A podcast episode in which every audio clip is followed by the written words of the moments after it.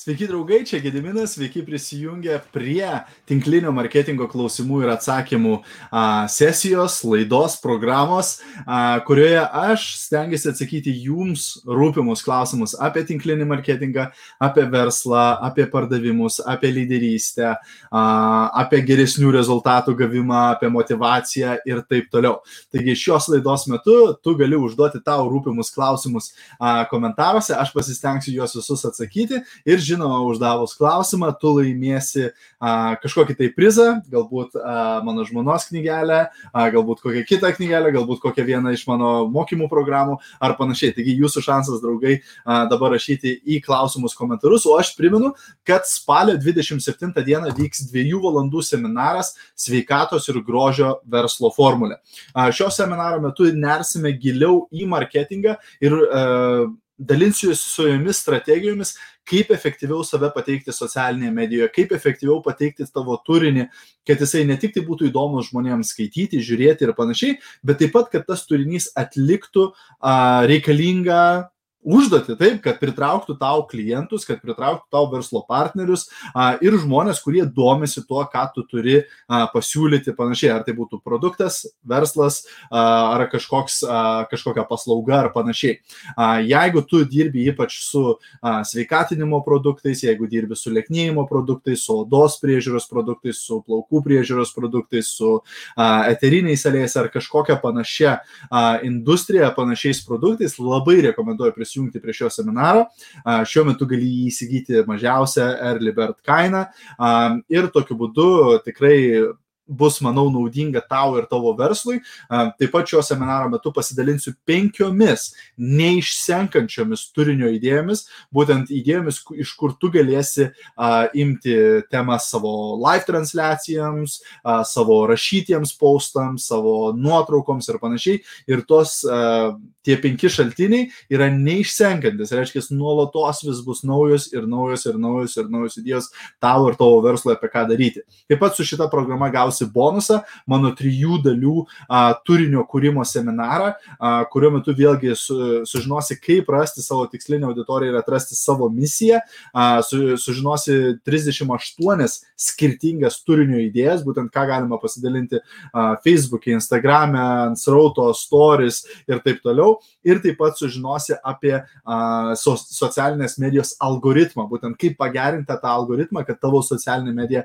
taptų efektyvesnė, kad tu pasiektum didesnį kiekį žmonių, kad daugiau žmonių matytų tavo postus, laikintų, komentuotų, jais dalintųsi ir panašiai. Taigi visa tai bus sveikatos ir grožio formulės mokymuose, jau dabar gali įsigyti Iš karto duok man žinot, kai įsigysi asmeninę žinutę, pridėsiu tave prie uh, grupės būtent uždaros šiam mokymams skirtos ir spalio 27 dieną jau turėsime dviejų valandų transliaciją, po kurios taip pat turėsime klausimų ir atsakymų sesiją. Reiškia, jeigu uh, kažkas neaišku, jeigu turi specifinių kažkokių klausimų apie tavo uh, kompaniją, apie tavo produktą, apie tavo turinį ar panašiai, galėsi juos užduoti, aš pasistengsiu visus juos atsakyti uh, ir paaiškinti būtent, kas bus neaišku. Taigi, labukas visiems, matau matau jau daug jūsų susirinkusių. Labukas Vilma, Labukas Laura, Labukas Vitalija, Labukas Laima, Kristina, Eugenija, Iveta, Jurgita, Regina.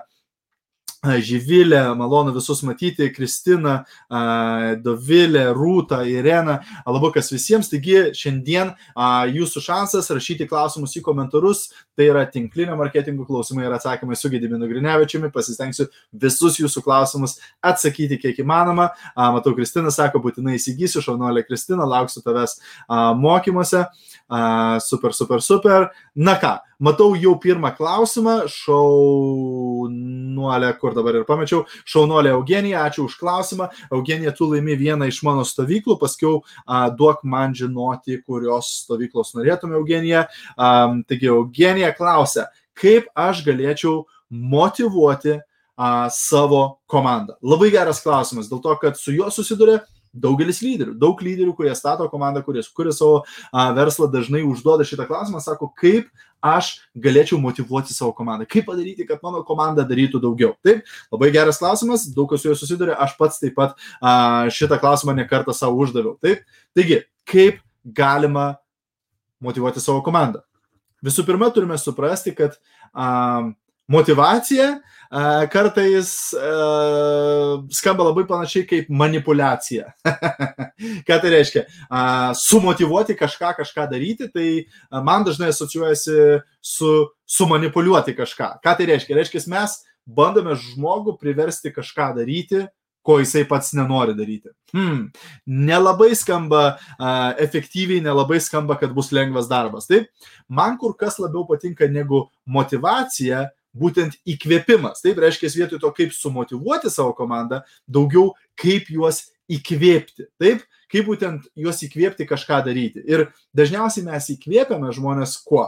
Savo pavyzdžių. Reiškia, jie kai pamato mūsų pavyzdį, juos pagauna įkvėpimas. Taip, ką tai reiškia? Reiškia, visų pirma, norint sumotivuoti savo komandą, mes turime daryti tai, ką norime, kad darytų mūsų komanda. Reiškia, jeigu tu nori, kad tavo komanda pardavinėtų daugiau, spėk, ką tu turi daryti.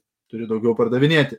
A, ir rodyti tai savo komandai. Nori, kad tavo komanda kviestų daugiau žmonių į verslą, tu kvies daugiau žmonių į verslą ir rodyk tai savo komandai. Nebereikalo sakau ir rodyk tai savo komandai, nes kai kurie iš jūsų, jūs esate tikrai motivuoti, jūs tikrai daug įdedate darbo į savo verslą, jūs tikrai daug kviečiate potencialių klientų, kviečiate potencialių verslo partnerių, bet problema yra ta, kad jūs tai darote paslaptyje. Reiškia, jūs tai darote um, nežinant jūsų komandai, nematant jūsų komandai. Reiškia, jūsų komanda nemato, uh, kaip jūs uh, tai darote, taip? Ir jeigu jūsų komanda nemato jūsų atliekančių tą veiksmą, tai jie galbūt galvoja, kad jūs taip pat kaip ir jie neaktyvus žmogus esate. Taip, reiškia, mes dauguma turime kažkokias tai ar Facebook grupės, ar WhatsApp grupės, ar a, dar kažkokias tai a, grupės, kur mes bendravome su savo komanda. Ir čia vat, būtent mes turėtume rodyti savo komandą. Reiškia, tu turi susitikimą su klientu, padaryk selfie ir įdėk į savo komandos grupę. Tu turi susitikimą su potencialiu verslo partneriu, a, galbūt padaryk video ar padaryk kažkokią foto vėl ir įdėk. Ir reiškia, rodyk savo komandai, kaip tu atlieki tuos veiksmus. Tai yra pirmas dalykas, kurį rekomenduočiau, būtent pačiam daryti tą, tą dalyką, kurį nori, kad tavo komanda darytų ir rodyk jiem pavyzdį.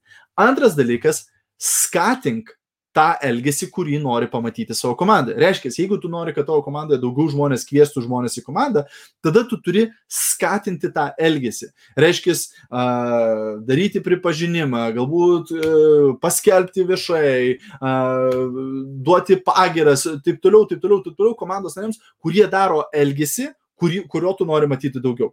Nes kai tu giri, kai tu uh, duodi dėmesį, kai tu duodi pripažinimą žmonėms, kurie daro tą veiksmą, kurį tu nori, kad visa komanda darytų, kas atsitinka? Pirmas dalykas, tas žmogus, aišku, jaučiasi gerai, nes jisai gavo pripažinimą už tą veiksmą ir jisai norės daryti daugiau tą veiksmą, taip, kad gautų daugiau to pripažinimo.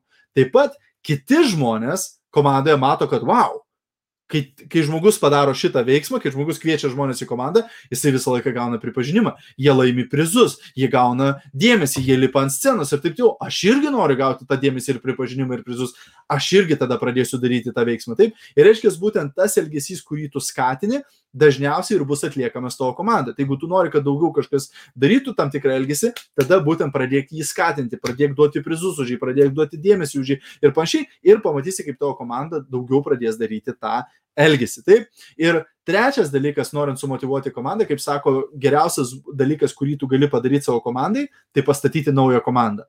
Ką tai reiškia? Kartais a, žmonės bando kuo daugiau išspausti iš tų esamų žmonių, taip, bet ateina limitas, ateina laikas, kai daugiau jau nebeišeina išspausti iš tos esamos komandos. Taip, kur kas efektyviau yra kviesti naujus žmonės į verslą. Taip, kaip sako, yra kur kas lengviau pagimdyti naują žmogų, negu prikelti žmogų iš numirusių, ar ne?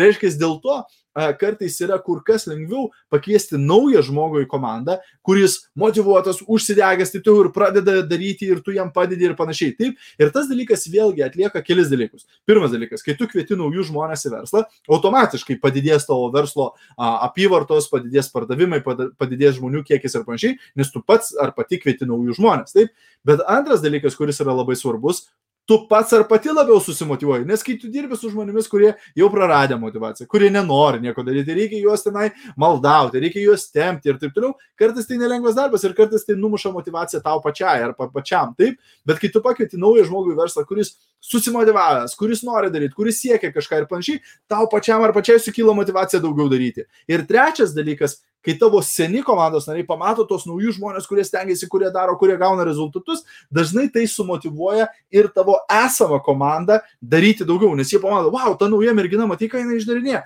matyk, kiek jinai klientų pasirašė, matyk, kiek jinai komandos narių pasirašė, aš irgi noriu. Taip, ir jie patys tada sukrunta labiau, taip, nes tu skiri dėmesį tiem, kas dirba. Ir jeigu, pažiūrėjau, tavo esami komandos nariai nedirba, bet nauji dirba, tu skiri jiems dėmesį. Tai tie žmonės tada norėdami gauti tavo dėmesį irgi turi pradėti dirbti ir stengtis. Supranti, ką turiu omenyje? Tai va, Tokie keli patarimai, Eugenija, tikiuosi, kad buvo naudinga, būtent kaip um, motivuoti savo komandą. Draugai, jeigu gaunate naudos iš šios transliacijos, labai prašau, padarykite man paslaugą, pasidalinkite šiuo video, pasidalinkite šią transliaciją, parašykite komentarus, pasidalinau, būčiau labai, labai, labai dėkingas už tai.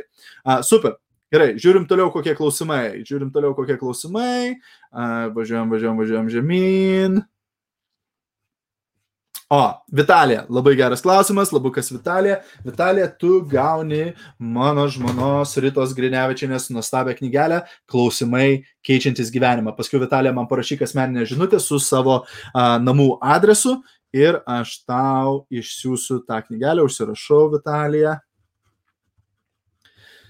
Super. Vitalijos klausimas labai geras ką turi daryti geras mentorius, kokios yra jo pareigos. Vėlgi, Kai mes pradedame kurti komandą, pradedam statyti komandą, mes tampame lyderiai, taip, mes tampame mentoriai savo komandos nariams, savo visai komandai ir panašiai. Taigi, ką turi daryti geras lyderis ir kokios yra jo pareigos. Taip, tai vėlgi, a, yra daug visokių dalykų, kuriuos turi daryti, bet taip pat yra daug dalykų, kurių neturėtų daryti geras lyderis. Taip, pavyzdžiui, geras mentorius neturėtų daryti darbo už savo komandos narius. Taip? Nes jeigu tu darai darbą už savo komandos narius, tada reiškia, turėsi daryti darbą ir už jų komandos narius, ir už jų, ir už jų, ir už jų. Taip?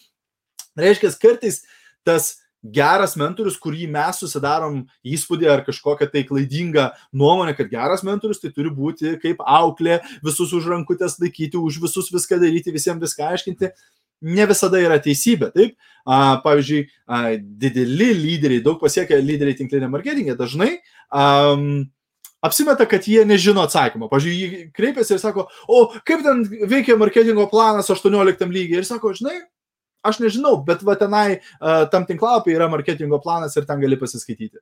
O, o kada atvažiuoja tas produktas? Žinai, nežinau, bet jeigu nueisi va ten į tą tinklapį, ten rasi informaciją apie tą dalyką. Ar jie iš tikrųjų nežino informacijos? Žinoma, kad jie žino informacijos.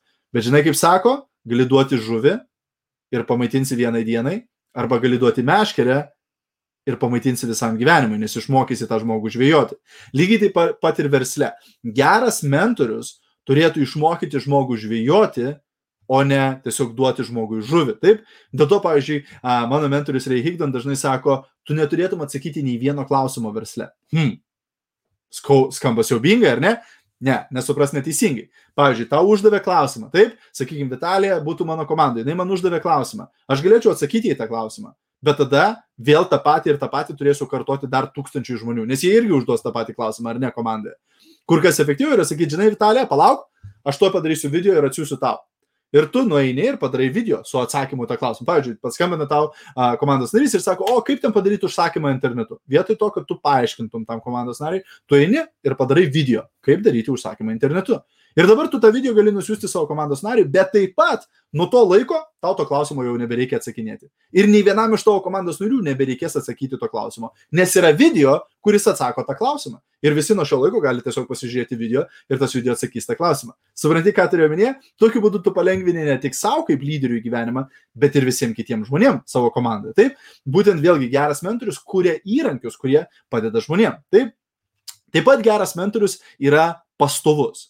Geras mentorius yra pastovus. Jisai nėra, šiandien darom, rytoj pradingo, vėl savaitę nėra to mentoriaus. Vėl atsirado, varom, varom, varom, hebra, vėl pradingo. Kodėl aš tai sakau? Nes aš būdavau toksai lyderis. Taip, aš būdavau nepastovus. Atsirandu, pradingstu, atsirandu, man užeina, dirbu, užeina, nedirbu. Ir toks mentorius tikrai nėra geras mentorius dėl to, kad jisai yra nepastovus, jisai sukelia abejonę savo komandoje ir žmonės nežino, ko tikėtis, nežino, ko laukti ir panašiai. Geras mentorius, geras lyderis yra pastovus. Jisai daro dalykus pastoviai, nuosekliai. Taip, jisai yra reguliarus.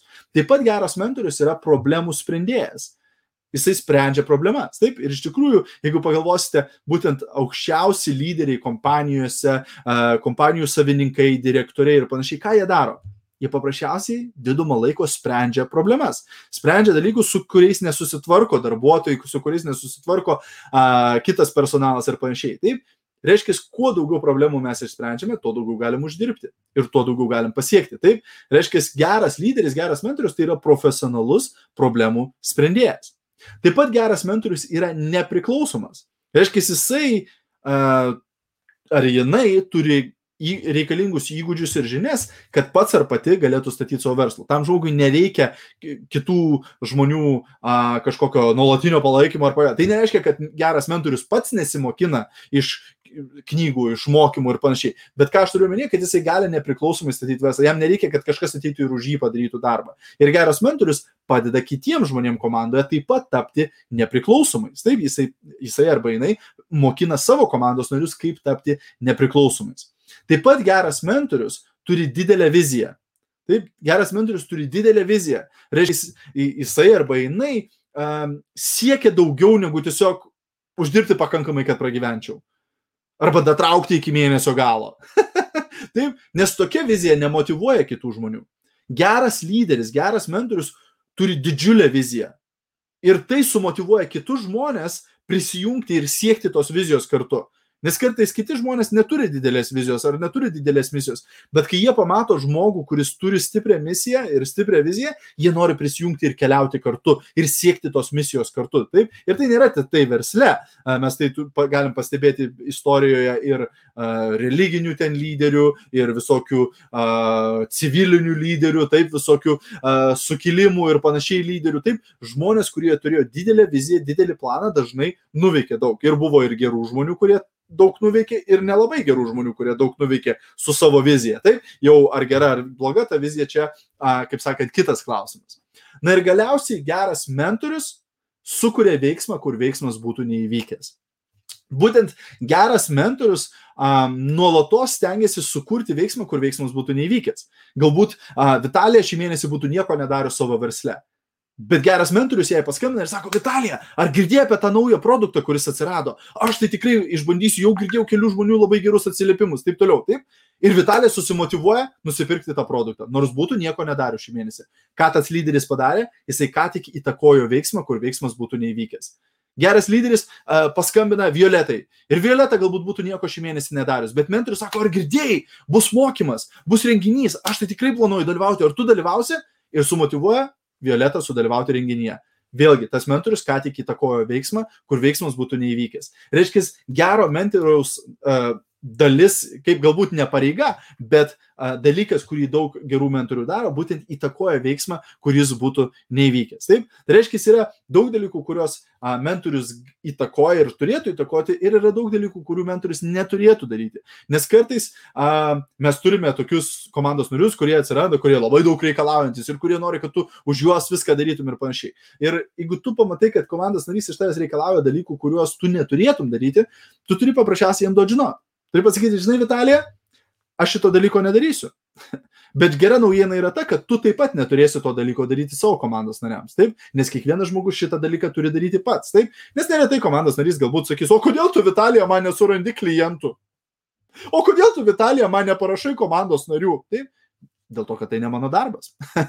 Ką man tavęs reikėtų, jeigu aš už tave suraščiau klientus ir a, verslo partnerius? Tada kam tu iš vis reikalingas mano komanda? Taip. Ir aišku, ne grubiai, ne piktai ar panašiai, bet mes tiesiog turim paaiškinti žmogui, kad yra dalykai, kuriuos mes darome kaip lyderis ir padedame tam žmogui, bet yra dalykai, kuriuos tas žmogus turi pats daryti. Taip.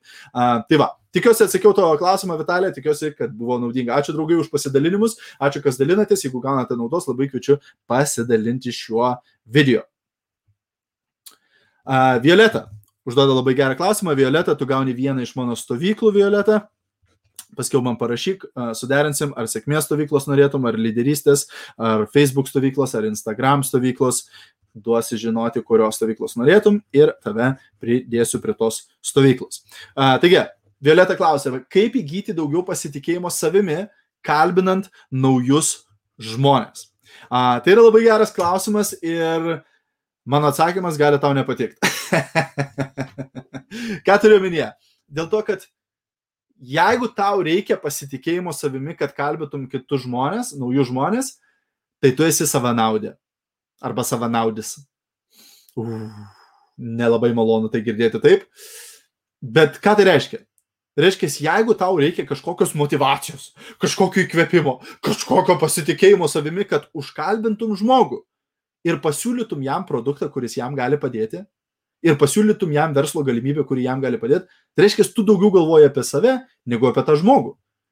Nes jeigu tau svarbu padėti žmonėms ir tu žinai, kad tu turi produktą, kuris gali žmogui išspręsti kažkokias tai problemas, ar tu turi verslo galimybę, kuri gali padėti žmogui išspręsti kažkokias tai problemas gyvenime, tai tu ar pasitikė ar ne savimi, tu vis tik turėtum rekomenduoti.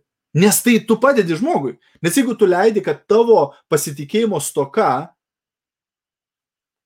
pavoktų iš to žmogaus galimybę pagerinti sveikatą, pagerinti odos būklę, pagerinti plaukų būklę, pagerinti kažką, pagerinti jo finansinę situaciją, tai tu daugiau galvoji apie save negu apie tą žmogų.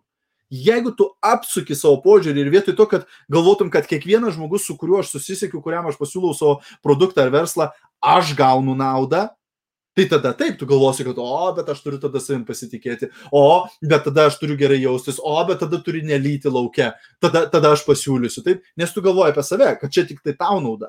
Bet jeigu tu apsuki tą požiūrį ir supranti, kad klientas gauna didesnę naudą negu tu, nes klientas gauna tą problemos sprendimą. Kad potencialus verslo partneris gauna didesnę naudą negu tu, nes jo finansai ar jos finansai pasikeičia.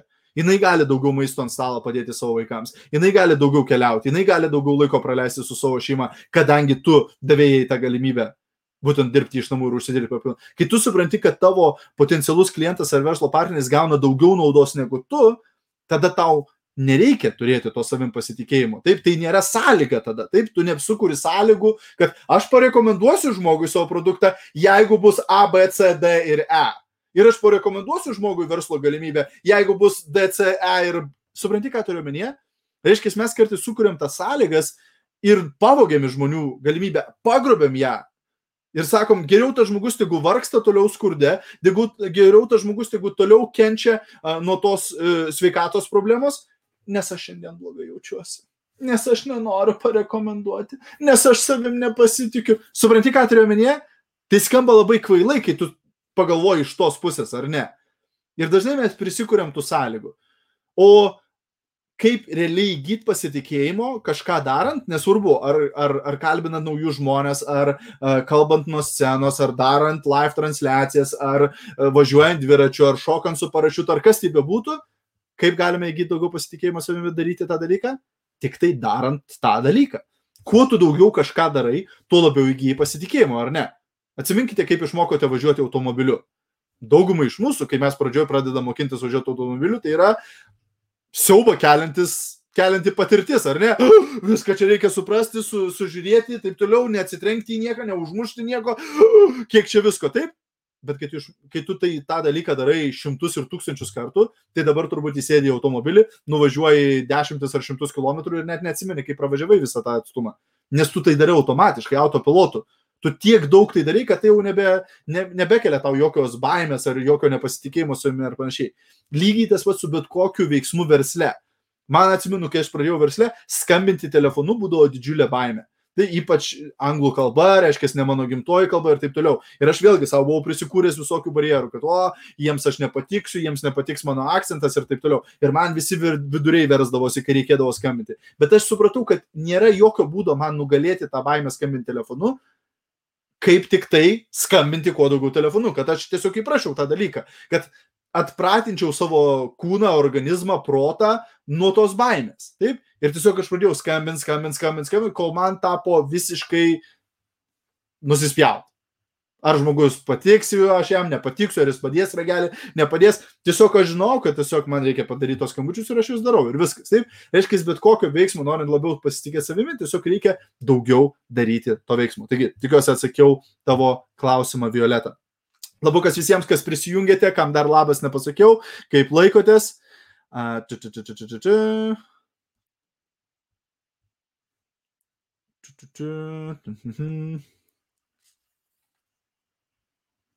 Kristina. Geras klausimas, Kristina, tu taip pat gauni mano žmonos Rytos Grinevičianės knygelė klausimai keičiantis gyvenimą, paskui parašyk man asmeninę žinutę su savo namų adresu ir tau atsiųsiu šią knygelę. Užsirašau Kristiną. Kristina, knygelė. Taigi, Kristina, klausia, kaip neprarasti fokuso, kaip neprarasti koncentracijos, taip, kur mes einam, kaip neprarasti uh, fokuso savo misijos ir panašiai. Taip, ir tai yra labai geras klausimas, ypač jeigu ilgą laiką darai, labai lengva prarasti tą koncentraciją, prarasti tą fokusą ir panašiai. Ir visų pirma, svarbu suprasti, kad viskas laikui bėgant krypsta nuo kurso. Ką tai reiškia? Reiškia, kad a, kai raketa skrenda į menulį ar raketa skrenda kažkur, jinai neskrenda visą kelią tiesiai, tiesiai, tiesiai, tiesiai, taip, nuo pakilimo tako iki galutinio tikslo. Ne, jinai nuolatos krypsta nuo kurso ir jie vėl atstato. Jinai vėl krypsta nuo kurso, jie vėl atstato. Taip, ir jinai visą laiką yra reguliuojama, kad skristų būtent pagal kursą. Lygiai taip pat ir mes versle, asmeniniam gyvenime, santykiuose, sveikatoje ir panašiai, ilgainiui krypsime nuo kurso. Taip, tai vienas labai geras dalykas padaryti, tai reiškia atstatyti tą kursą. Ir kaip versle mes galime atstatyti tą kursą, būtent grįžti prie pagrindų. Ką tu darėjai pačioj pradžioj, kai pradėjai verslą, ko dabar jau nustoji daryti. Ir žinau, kad skamba keistai, bet kartais mes pradžioj darom dalykus, kurie mums duoda rezultatus ir paskui mes dėl kažkokios priežasties nustojam tos dalykus daryti. Ir būna po metų, po dviejų, tu grįžti į savo užrašus, atsiverti užrašų knygą, a, taip, kur tu darėsi užrašus, kai tik pradėjai tą veiklą ir sakai, oh, šitas dalykas, mes taigi darydavom šitą dalyką, duodavo tokį gerą rezultatą. Ir tu nustoji, nes tau galbūt atsibodo, dar kažkas naujos kažkokios strategijos atsirado. Reiškia, tas angliškai vadinasi back to basics. Taip, laikas nuo laiko, kartą per metus, kartą kas porą metų, galbūt dažniau grįžti atgal prie pagrindų, pereiti vėl tos pagrindus, pereiti vėl tos pradinius mokymus, peržiūrėti vėl tą pradinę informaciją. Ir tu atrasi idėjas, atrasi dalykus, kuriuos jau tu pamiršai. Taip, ir vėl gali juos a, naudoti, ir vėl gali juos pradėti taikyti savo versle, ir vėl pradėsi gauti geresnius rezultatus. Taip, tai vienas dalykas yra būtent grįžti prie a, būtent pagrindų. Kitas dalykas yra tavo tikslai. Taip, aš kiekvieną dieną stengiuosi perskaityti savo tikslus. Taip, aš turiu susirašę savo tikslus ir kiekvieną dieną tos tikslus skaitau. Kokio velnio, sakysi, gediminai, tu užsirašai savo tikslus, viskas, kam aš čia skaityti kiekvieną dieną. Vat būtent dėl to, kad neprarasčiau to fokuso, taip, kad likčiau tame kelyje, kad priminčiau savo kiekvieną dieną, ko aš sėkiu, ką aš bandau nuveikti, kokia yra mano misija, kokia yra mano vizija, taip, ką, dėl ko aš tai darau, taip, nes pripažinkime, kad nėra, ne visos dienos yra, uhu, šoku iš lovos, lėkiu, noriu daryti viską, noriu bendrauti su žmonėm. Taip, žinoma, būna tokių dienų kiekvienam, kur tu tikrai nesijauti labai gerai, kur tu tikrai nesijauti, kad tu nori daryti viską, kur tu tikrai nelabai nori bendrauti su kitais žmonėmis. Ir būtent tomis dienomis svarbiausia yra būtent neprarasti to fokuso. Ir va tada tu turi savo priminti, dėl ko tu tai darai. Ir tikslai yra labai svarbu, bet kai kuriems žmonėms tikslai nėra pakankamai stipru. Nes tikslai dažnai yra išoriniai. Taip, kai mes kalbam apie tikslus, dažniausiai žmonės turi omenyje, aš noriu savo svajonių automobilio, ar noriu savo svajonių namo, ar noriu nukeliauti ten į tokias tokias šalis, ar noriu uždirbti tiek ir tiek. Ir visi tie dalykai yra super ir jie mus motivuoja, dažniausiai kaip mes gerai jaučiamės ir esame pilni motivacijos. Bet kai pradingsta ta motivacija, kai būna ta bloga diena, kartais tie išoriniai dalykai netaip stipriai mus motivuoja, nes tą blogą dieną tu galvoji, ai, prasimušiu ir be to automobilio svajonių. Taip, dėl to vienas iš dalykų, kurį aš ir įtraukiau į savo tikslus, um, įrašiau ir kurį aš rekomenduoju kitiem, vad būtent yra viz, vizija žmogaus, kuriuo tu nori tapti. Nes būtent tą dieną, kai tu nori viską trenkti, tą dieną, kai tu nenori keltis iš lovos, tą dieną, kai tu nenori su nieko bendrauti ir daryti savo kasdieninių veiksmų, kai tu nenori daryti savo kasdieninio veiksmų plano, kai tu nenori daryti tų a, pajamas generuojančių veiksmų, tu savo primeni, kad tas žmogus, kuriuo aš noriu tapti, arba tas žmogus, kuris aš esu, taip, jisai atsikeltų ir padarytų jisai vis tiek nueitų į tą susitikimą. Jisai vis tiek, ar jinai vis tiek nepate, nepavestų kito žmogaus. Jinai vis tiek prisimtų atsakomybę ir padarytų. Taip? Ir tada tu vis tiek padarai, tu neprarandi to fokuso, taip, nesvarbu, ar tu galbūt a, šiek tiek sloguoji šiandien, galbūt tau šiek tiek temperatūra pakilo, galbūt šiandien tave kažkas sukritikavo ir sugadino tau nuotoką ir panašiai. Tu neduodi savo šanso. Kai sako, lyderiui yra per didelė prabanga turėti blogą dieną. Ką tai reiškia? Lyderis vis tiek daro, ką reikia daryti, net jeigu jam nėra nuotaikos tą dieną, net jeigu jisai nesijaučia šimta procentų gerai, net jeigu jisai norėtų galbūt nedaryti nieko tą dieną ir panašiai. Taip, jeigu yra suplanuota kažką padaryti, jisai eina ir daro. Ir būtent tokiu būdu mes neprarandam to fokuso, nes vis primenam savo, kokia yra mūsų misija, kokia yra mūsų vizija, būtent mūsų versle, mūsų projekte ir panašiai. Aušra, užduoda labai gerą klausimą. Aušra, tau taip pat viena iš mano stovyklų, paskui man parašy, kurios norėtum, ar sėkmės stovyklos, ar Facebook, ar Instagram, ar lyderystės stovyklos. Užsirašau, Aušra, gauna stovyklą. Taigi, Aušra klausia, kaip parašyti efektyvius paustus savaitėjai. Kokia pausto struktūra turėtų būti teksto. Taip? A, taigi, efektyvūs paustai yra istorijos paustai. Taip, nes um, dažnai žmonės sako, kodėl skelbimai neveikia, nes skelbimai, kaip sakant, nėra patys įdomiausi paustai. Kai žmogus pradės galvoti, o skelbimas neįdomu, o reklama neįdomu, taip, nes kai tu žiūri televiziją, labai tau įdomu žiūrėti reklamas, ar kai tik reklama prasideda, pradedi žaisti su telefonu, taip, kol reklama pasibaigs.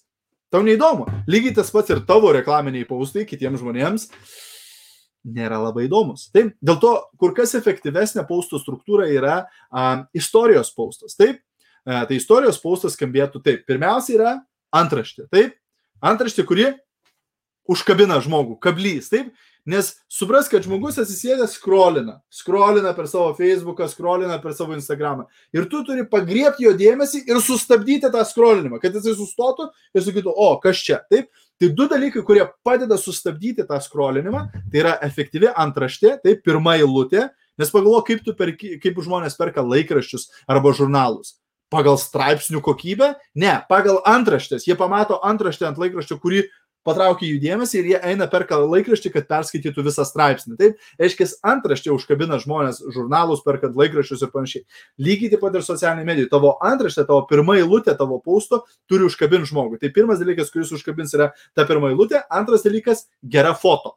Taip, foto irgi, jeigu yra foto kažkokia juokinga, įdomi, išsiskirianti ar panašiai, ar graži kažkokia ar panašiai, vėlgi tas dalykas sustabdys žmogų, o, faina foto, o gražu, o kažkas neįprasto. Taip, reiškia, tie du dalykai sustabdys uh, tą skrolinimą. Taip, tada a, einame į patį paustą, pačio pausto struktūrą. Taip, tai vienas iš dalykų, kas yra labai efektyvų, būtent istorijos paustą darant, tai yra pakalbėti apie kažkokią problemą, galbūt problemą, kurią tu turėjai, galbūt problemą, kurią a, tavo pažįstamas turėjo ir problemą, kurią tikriausiai turi tavo auditorija, tavo būtent žiūrovas, skaitytojas. Taip, tada antras dalykas yra sprendimas, taip, tos problemos, kaip tu atradai sprendimą tai problemai. Taip, trečias dalykas yra, kaip efektas, kokį efektą gavai, kai atradai tą sprendimą, pradėjai galbūt naudoti tą produktą, arba pradėjai daryti tą verslą, ar pradėjai naudoti tą paslaugą, koks buvo efektas, kaip viskas vyko. Taip, ir paskutinis dalykas - pakvietimas veiksmui. Šitą dalyką dažnai žmonės praleidžia. Tiesiog parašo kažkokį paustą ir tikisi, kad jų žiūrovas ir jų auditorija patys sugalvos, kad, a, reikia man parašyti jai asmeninę žinutę ir išsiaiškinti, kas ten. Ne, žmonės renkasi visada lengviausią kelią, o lengviausias kelias yra nedaryti nieko. Taip, dėl to tu turi žmogui duoti instrukciją, ką daryti. Spausk čia, eik čia, rašyk man asmeninę žinutę, parašyk į komentarus ar panašiai. Pasakai, pakvietimas veiksmui yra būtent instrukcija, ką daryti dabar. Tu perskaitai šitą paustą, daryk šitą dalyką, rašyk man, ar rašyk į komentarus, ar spausk čia, ar panašiai. Taip, tu reiškia, duodi instrukciją veiksmui.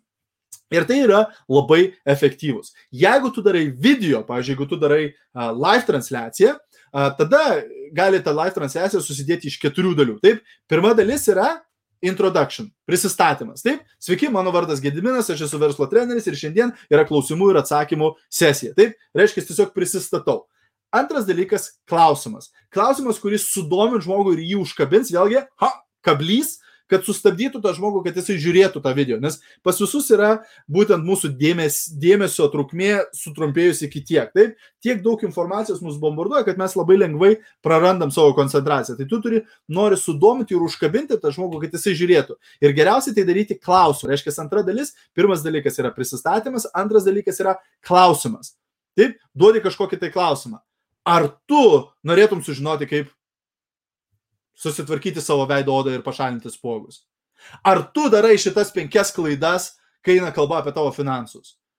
Ne žiūrėk dar vieno, uh, nepirk dar vieno maisto papildo, kol nesužinoji šitos tiesos. Taip, ar, reiškia, sudominti žmogų. Ir geriausiai sudominti yra klausimų. Taip, Ar tu norėtum sužinoti daugiau, ar tu kentino šitos problemos, ar tau buvo, kad taip įvyktų. Taip, užduodi klausimą. Klausimas yra labai galingas, nes jisai užkabina žmogų. Taip. Trečia dalis tada yra turinys. Tu duodi visą savo turinį, ką tu paruošiai, patarimai, e, kažkokios idėjos, kažkoks, e, kažkoks turinys. Taip. Ir galiausiai ketvirta dalis vėlgi pakvietimas veiksmui. Gale video sakai, ir jeigu tau patiko šitas, ar tu norėtum sužinoti daugiau, parašyk man asmeninį žinutę, jeigu norėtum gauti mano uh, PDF failą su 16 patarimų apie šitą temą, rašyk man ar panašiai. Taip, tu duodi kažkokį tai pakvietimą veiksmui. Tai va, aušo, tikiuosi atsakiau tavo klausimą, tikiuosi, kad buvo naudinga. Egidijus. Klausia, Egidijau, tau mano mėgstamiausia knyga, viena iš mėgstamiausių knygų Ogmandino didžiausias pasaulio prekeivis. Parašyk man savo adresą, paskui žinutę asmeninę ir išsiųsiu tau šitą knygą. Tikiuosi, kad tau patiksinai, kaip jinai patinka man. Užsirašau Egidijų.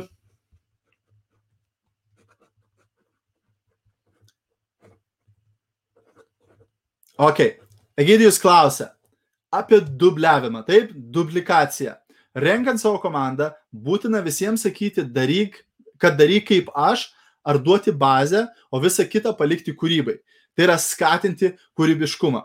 Labai geras klausimas, Egidijau, dėl to, kad šitas klausimas yra susijęs su kultūra. Taip, ką tai reiškia? Yra skirtingos žmo, žmonių grupės a, tinklinio marketingo versle. Apie 80 procentų žmonių turi troškimą uždirbti iki 500 eurų per mėnesį. Tai nereiškia, kad jie visi uždirbs 500, bet jie turi troškimą uždirbti nuo nulio iki 500 eurų per mėnesį. Sakysite, nuo nulio, o kas nori uždirbti nulį? Patikėkit, per dešimt metų aš sutikau šimtus žmonių tinklinio marketingo industrijoje, kurie neuždirba nei cento tinklinio marketinge, bet tu jų neišvarytum su pagaliu iš šitos industrijos. Jiem patinka naudoti produktus, jiem patinka pozityvi aplinka, jiem patinka leisti laiką su žmonėmis, kurie yra uh, užsibrėžę kažko ambicingi, panašiai, o ne žmonės, kurie nuolatos verkia ir skundžiasi, kaip viskas blogai, taip, bet jie realiai neuždirba jokių pinigų ir jie neturi jokio noro uždirbti didelius pinigus. Jiem tiesiog patinka būti šioje aplinkoje, taip. Tada antra grupė, apie 15 procentų žmonių, turi troškimą uždirbti nuo 2 iki 3 tūkstančių eurų per mėnesį. Vėlgi, tai nereiškia, kad jie visi uždirba tiek pinigų, bet jie turi troškimą tiek uždirbti, jie nori tiek uždirbti, pasiekti tokias pajamas. Taip? Ir šitie žmonės, aišku, įdės kur kas daugiau laiko ir pastangų, nes jie nori uždirbti daugmaž pilno etato uždarbį. Taip? Ir tada apie 5 procentai žmonių tinklinio marketingo industrijoje turi troškimą uždirbti 25 tūkstančius eurų arba daugiau per mėnesį. Reiškia, šitie žmonės nori varyti visą kelią iki pat viršūnės kompanijos, pasiekti top pozicijas marketingo plane, gauti automobilius, keliones, visus prizus ir taip toliau. Jie yra super ambicingi, turi didžiulį alkį geresniam gyvenimui ir jie nori sukurti tokį didžiulį verslą. Problema. Problema yra, kad dauguma lyderių priklauso kuriai grupiai. Mhm būtent tiem 5 procentam. Jie yra išprotėję, jie yra maniakai, jie yra trikštantis motivacija ir nori varyti viršų ir taip toliau. Bet problema yra ta, kad jie įsivaizduoja, kad visi kiti žmonės komandoje irgi lygiai to paties nori. Taip?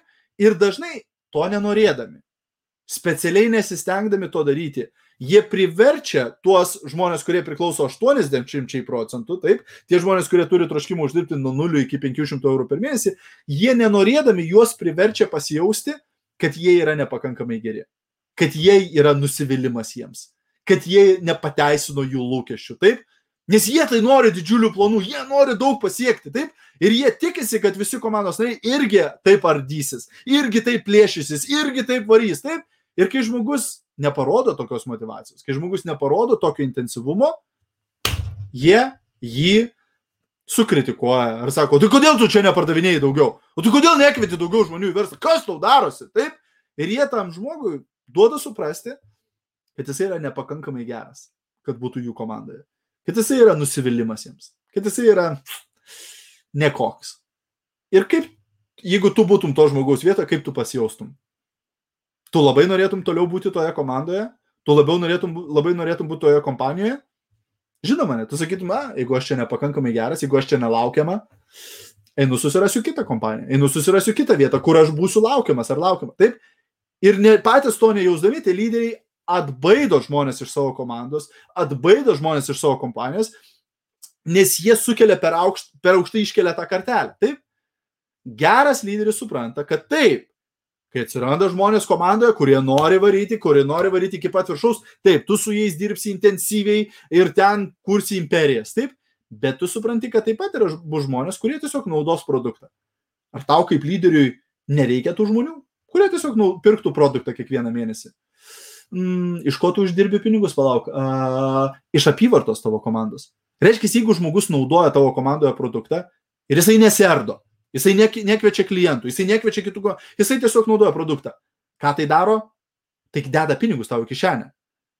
Tai ar yra protinga tą žmogų atbaidyti tada iš verslo, kad jis išeitų ir išleistų savo pinigus kažkur kitur? Neipatingai protinga, ar ne? Būtent gera komanda, gera komandos atmosfera, tai yra kaip laužas. Ir visi susirinka prie to laužo. Vieni prie to laužo yra užsidegę, pasiruošę, šokinėję per laužą, taip, kaip bepročiai, taip. Kiti žmonės tiesiog kamputėje atsisėdė prie laužo ir šildosi. Ir skirtingiam žmonėm užtruks skirtingą laiko kiekį pagauti tą ugnelę, užsidegti, taip? Ir tavo darbas kaip lyderio padaryti viską, ką įmanoma, kad išlaikyti kuo daugiau žmonių prie to laužo ir net baidyti nieko. Nes vienas pagaus liepsną už savaitės, kitas už mėnesio, kitas galbūt tik už metų. Bet jeigu tu to žmonės atbaidysi, jeigu tu jiems parodysi, kad jie yra nieko verti, kad jie yra nusivylimas tau, tai jie pasitrauks nuo to laužo niekada neužsidegę. Ir galbūt jie užsidegs kitoj kompanijai. to aš nebejoju, tu tikrai nenori. Taip, būtent mūsų darbas yra sukurti tokią sistemą, tokią atmosferą, kur visi gali jaustis gerai. Tai gana ilgas toksai įėjimas į tavo klausimą, gydėjau, bet atsakymas būtų, nebūtina, kad visi darytų taip kaip tu. Nes jeigu tu esi vienas iš tų manijakų lyderių, kuris dirba 16 valandų per parą ir nori tapti super duper uh, pats aukščiausias lyderis pasaulyje, gali būti, kad tavo komandos nariai nepatems tokio, tokio intensyvumo. Tai dėl to sėkmingas lyderis sukuria sistemą, kur visi, kai užsidega, turi būdą, kaip būtent išmokti, ko reikia. Taip? Ir dėl to mes turėtume sukurti mokymus ir tam žmogui, kuris tik tai naudoja produktą, ir tam, kuris tiesiog pardavinėja, kad papildomai užsidirbtų, ir tam, kuris nori tapti aukščiausių lyderių ir pastatyti didžiulę komandą. Ir žmogus pats pasirenka, kada jisai pasiruošęs daryti, ką jisai nori. Mes duodam įrankius, mes duodam sistemą, mes duodam, ar tai būtų Facebook grupė, ar tai būtų kažkoks tinklapis, ar tai būtų kažkokia WhatsApp grupė, ar kažkoks kitas uh, vieta, kur yra viskas paruošta, viskas sudėta ir tu bendrauji su žmogum. Būtent tu klausi to žmogaus. Dauguma lyderių pasako žmogui, tu turi daryti tą, tau reikia daryti tą. Taip. Galbūt būtų protingiau paklausti to žmogaus, o ką tu norėtum gauti šito verslo, o kiek tu norėtum uždirbti, o dėl ko tu prisijungiai, o kokios yra tavo ambicijos, o kokios yra tavo svajonės. O kur tu save matai už penkių metų, už dešimt, už penkiolikos? Ir išsiaiškinti, kas tą žmogų motivuoja. Išsiaiškinti, ko jisai nori ir padėti jam atlikti tai, ko jisai nori. O ne visi, kad darytų tą, ką aš darau. Taip, kad visi būtų tokie kaip aš. Nes visi tokie nebus kaip aš. Taip, ar kaip tu. Būtent atrasti, ko tas žmogus nori. Ir kaip Zig Ziglar, amžinatelis yra pasakęs, jeigu padėsi pakankamai žmonių gauti tai, ką jie nori, tu gausi viską, ko tu nori. Tavo tikslai išsipildys bet kokiu atveju. Jeigu tu tik padėsi pakankamai žmonių gauti tai, ką jie nori. Ir vieno žmogaus svajonės bus čia, kito čia, kito čia, taip. Ir mes visiems jiem, jeigu tik padėsim pasiekti tai, ko jie nori, mes gausim viską, ko mes norim. Tai va, draugai, tiek šiandien. Tikiuosi, kad e, šie klausimai ir atsakymai jums buvo naudingi. Kai visada labai prašau, jei gavai naudos iš šio video, labai prašau, pasidalink juo ir parašyk į komentarus pasidalinau. Man tai yra labai svarbu ir būsiu labai labai labai dėkingas. Ačiū, draugai, kad žiūrėjot. Dar kartą primenu, seminaras sveikatos ir grožio verslo formulė startuoja e, spalio 27 dieną, dviejų valandų seminaras, kur pasidalinsiu labai daug informacijos apie marketingą, apie turinio kūrimą, apie tai, kaip niekada, kad nepasibaigtų tavo idėjos Facebook live darimams, postų rašymam ir panašiai. Jeigu tu esi dirbi su sveikatinimo produktu, su lėtnėjimo produktu, su eteriniais aliejais, su odos priežiūros produktais, su plaukų priežiūros produktais ar kažkokiu kitu produktu ar paslauga, kuri gerina žmonių gyvenimą, labai rekomenduoju prisijungti prie šio seminaro, pasidalinsiu daug, daug, daug naudingos informacijos, plus gausi bonusus turinio kūrimo trijų dalių seminarą taip pat su šita programa.